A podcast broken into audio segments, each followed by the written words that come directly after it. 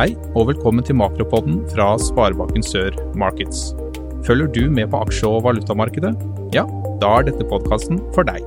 Her får du et overblikk over hva som skjer rundt i verden, hvorfor det skjer, og hvilke konsekvenser det har.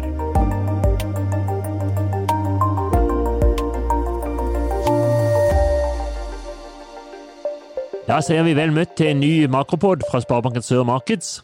Nå er vi kommet til midten av august.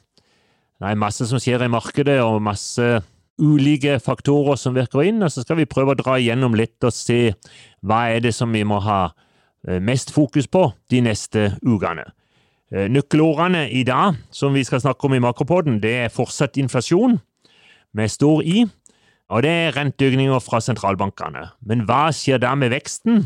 Klarer vi fortsatt å opprettholde god vekst, eller eh, kan vi kanskje oppleve at veksten dabber kraftig av? Vi ser hvordan Inflasjon dominerer renteforventningene både i USA, i Norge og i store deler av resten av verden. Så skal vi se på hvordan den økonomiske situasjonen er og trolig blir framover de neste månedene, både i USA og her hjemme i Norge. Så skal vi se litt på problemene i kinesisk økonomi. Vi skal se litt på energikrisen, både når det gjelder olje, strøm og gass, som fortsatt fortsetter. Og til slutt skal vi se på hva vi tror om den økonomiske utviklingen i Norge framover hvordan renteutviklingen vil bli her hjemme, og hvordan renteutviklingen også vil bli i USA. Men la oss først se bitte på oljeprisen, som har vært under press de siste ukene og gjennom sommeren. Nå er vi nede på en oljepris på 2-3-94 dollar. EU-landene er jo blitt enige om å kutte all oljeimport fra Russland. Det var enighet om å unnta Ungarn fra dette kravet. Eh, og så har det også vært eh, forventninger nå om at atomavtalen med Iran blir eh, undertegna, og at man kommer til enighet i en eller annen form der. Det er det store spørsmålet i eh, denne uka, nå midten av august. Ellers så jobber jo EU-landene, og spesielt Tyskland, veldig med å nedskalere importen av gass fra Russland.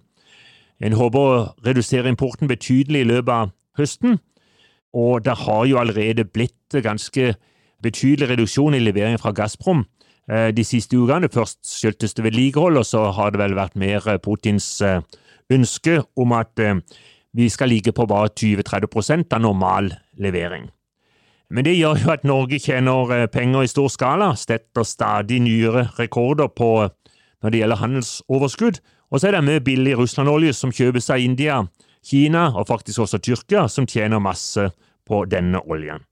Men eh, mindre etterspørsel de siste ukene, først og fremst også pga. lavere forventninger til utviklinga i kinesisk økonomi, og dermed også forventninger til lavere etterspørsel fra Kina, det har også ført til at eh, oljeprisen har vært under press de siste ukene. Hvis vi ser eh, fortsatt virkninger av krigen, og også virkninger av frykten for resesjon, så er det jo fortsatt urolig i aksjemarkedene verden rundt. Eh, stort sett med ett unntak. Eh, Norge har fortsatt 5-6 eh, i pluss i forhold til starten av året, mens både amerikanske og europeiske børser er ned mellom 10 og 20% og Nasdaq, teknologiindeksen i USA, er ned rundt 30% i øyeblikket. Så er det jo fortsatt på basis av krigen og invasjonen, så er det høye priser på strøm, Olje, gass, stål og aluminium- og matvareprisene har jo også fått et betydelig løft verden over. Ikke minst hveteprisene, som eh, ligger nesten 50% opp. Nullsmittestrategien i Kina kan jo også medføre at eh, man får lavere vekst generelt i hele verdensøkonomien, og kan også føre til fare for resesjon i hele verdensøkonomien. For hvis vi ser bitte på Kinas økonomi og utfordringer, så ser vi at det er veldig stor utvikling og stadig større usikkerhet om utviklingen i kinesisk økonomi. Prognosene er nå revidert ned fra eh, ca. 6% som var vanlig før, til en årsvekst på kun 0,4% Tallene viser lavere vekst i industriproduksjonen enn ventet, detaljhandelen er halvert, fra en normalvekst på ca. 5% Og fortsatt så opprettholder de nulltoleransekravet eh, når det gjelder korona, og Det vi også ser, det er at misligholdsraten er fordobla hittil i år.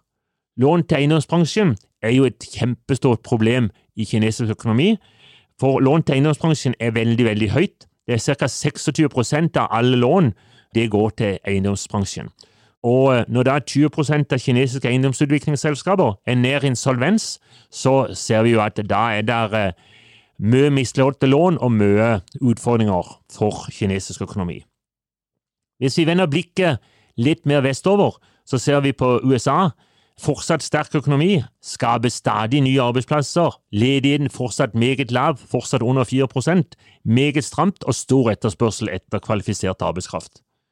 Ledigheten kan faktisk falle videre, og det vi ser, det er at det er risiko for høy lønnsvekst. Og vi ser klare tendenser til høyere lønnsvekst nå i eh, amerikansk økonomi. Så ser vi heldigvis den siste måneden ut til at inflasjonen kanskje kan flate litt ut. Vi var oppe på 9,1% i juni, så kom vi ned nå til 8,5% i julitallene. Kåreinflasjonen bikka under 6 igjen og er 5,9% Vi hadde jo en eh, rekordhøy økning i renten fra sentralbanken på 0,75, og vi tror jo også at det kommer en ny 0,75-hevning nå i august. Da vil eh, sentralbankrenten være over 3% men eh, vi tror nok fortsatt at vi må forvente at eh, det blir flere renteøkninger på de neste møtene. Så det at vi kan få sett firetallet på sentralbankrenten, det utelukker vi på ingen måte.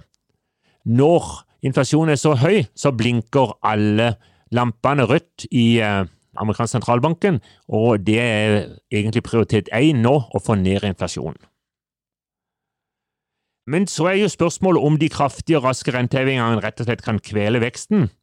Og eh, kan både krigen og de sterkt stigende matvarer- og energiprisene redusere forbruket og veksten raskere enn det vi tror, og kanskje også Fed tror, og gjør at eh, Fed må være forsiktig og kanskje allerede kan uh, måtte begynne å sette ned renten i slutten av 2023. For frykten for Resesjon, altså negativ vekst, er fortsatt reell i det amerikanske markedet, så det blir veldig spennende å se hvordan det vil utvikle seg de neste månedene. Hvis vi ser på Europa, så merker også Europa inflasjonsøkninger på kroppen. Storbritannia er kanskje de som merker det sterkest av landene rett rundt oss. Vi venter nå 9,9% i inflasjonstall på, eh, som kommer nå i august. Nye renteøkninger kommer fra sentralbanken, men eh, Eh, prognosene går faktisk på at inflasjonen kan stige opp mot 13 i Storbritannia utover høsten. Og Det er av at man har holdt inflasjonen kunstig lav i perioder nå i dette året. Euroområdet ligger litt lavere. Der ligger inflasjonen på syvtallet, men de har jo også begynt å sette opp renten. Kom med 0,5% i juli, og kommer nok også med en uh, renteøkning på 0,5% i september. Utfordringene er ulike renteutvikling på statsobligasjoner i de ulike landene innen EU. Når italienske renter på statsobligasjoner er mellom fire og fem, og tyske bare ligger på ett-tallet, så ser vi at det er en del utfordringer for EU eh, e som sådan, og for ECB. Hvis vi går hjem og ser på hvordan eh, det står til i eh, Norge, så ser vi at arbeidsledigheten beveger seg fortsatt nedover. Nå er vi nede på 1,7% altså veldig, veldig stramt arbeidsmarked. Inflasjonen er på rekordnivåer, inflasjonstallene som kom 10. august, og som var fra juli, eh, det var på 6,8 eh, og kjerneinflasjonen var på 4,5% Altså Det er jo den som Norges Bank skal styre etter, og som skal være 2% to år fram. Vi ser og opplever rekordpriser på strøm, noen nivåer som vi aldri har opplevd før, og det forventes nok å vare videre utover høsten når det er såpass lite regn som det har vært de siste ukene. Matvareprisene er opp 12-13 Vi fikk en renteøkning på en halv prosent i uh, juli. Nå er vi på 1,25% i sentralbankrente. Og så forventer vi en halv prosent, kanskje både i august og også i september, og deretter en kvart prosent i desember. Da vil vi være på 2,5% fra sentralbanken, og flytende rente vil ligge i overkant av 3% Og Så er spørsmålet hva skjer så i 2023? Brekker det over kanskje i USA, sånn at eh, man begynner å måtte stagge rentehevningene, og kanskje også eh, begynne å senke renten når vi kommer i slutten av 23 og utover i 2024. Det som kan eh, forstyrre det bildet, er jo egentlig lønnsveksten, som kan bli kraftig det neste året. Ikke minst hvis inflasjonen blir liggende på fem-seks-tallet, så er det klart at så vil kravene være relativt høye ved neste tariffoppgjør.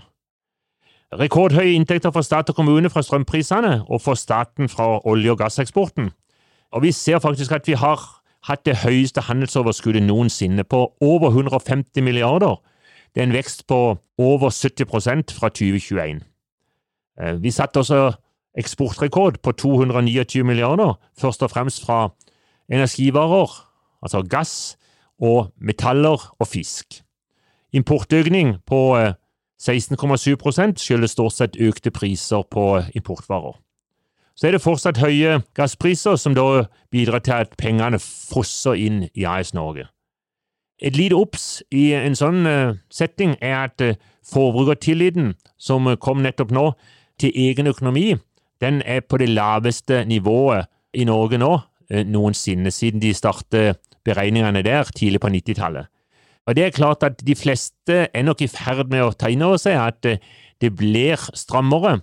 Det blir høye strømpriser, det er fortsatt høye drivstoffpriser, og eh, vi ser klart at det blir høyere matvarepriser, og det blir høyere priser all over. Så eh, det gjør at det blir mindre i til den enkelte vanlige nordmann, og det begynner nok folk nå snart å ta inn over seg. Hvis vi ser litt på renteutviklinga framover, de lange rentene er kommet en del ned i løpet av sommeren. Femårssikringen opp på 3,18, altså rett under 3,20, og, og tiårssikringen rett over 3% på 3,05 i øyeblikket. Tre måneders Nibor, flytende pengemarkedsrente, øh, stiger stadig. Nå ligger vi på 2,34. Så forventer vi jo som sagt kraftig renteøkning i USA for å ta knekken på inflasjonen. Og her hjemme forventer vi ytterligere tre renteøkninger i 2022. Og så er spørsmålet om det kommer ytterligere renteøkninger i 2023. Og hva skjer så i 2024? Skal, begynne, skal Norges Bank begynne å sette ned renten litt igjen, da? Men det betyr at vi fort kan være over en pengemarkedsrente på over 3% før årsskiftet. Det hele vil avhenge av stramheten i arbeidsmarkedet, utviklingen av inflasjonen, lønnsveksten og hvordan dette vil slå ut i forbruket. I tillegg så avhenger jo selvfølgelig mye av hva som skjer med Russlands invasjon i Ukraina. Vil veksten stoppe opp? Får vi en myk landing, eller går vi over i negativ vekst, altså resesjon? Det er det store spørsmålet fortsatt. Det var stort sett det vi hadde i uh, makropodden i dag. Uh, I dag har vi snakka om at nøkkelordene fortsatt i markedet er inflasjon, med stor I, det er renteøkninger med stor R fra sentralbankene, og hva for det å, å gjøre med veksten. Vi så på hvordan inflasjonen dominerer renteforventningene både i USA, i Norge og resten av verden. Så så vi på hvordan den økonomiske situasjonen ser ut til å bli framover de neste månedene, både i USA og her hjemme i Norge. Vi så på energikrisa eh, som fortsetter, både når det gjelder olje, strøm og gass. Vi så på en del av de utfordringer som skjer i kinesisk økonomi, og så så vi litt på hvordan den økonomiske utviklinga vil føre til når det gjelder renteutviklinga, både her hjemme og uh, ute i verden, ikke minst i USA. Da var det alt i makropodden fra Sparebanken Sør Markeds i uh, denne omgang. Vi sier takk for i dag, og håper dere lytter på oss også neste gang. Takk for det. Du lyttet nettopp til Makropodden fra Sparebanken Sør Markets. Hver måned vil vi gi deg innsikt i hva som skjer i verden, samt hvordan det påvirker økonomien vår. Flere episoder finner du på sol.no slash makro.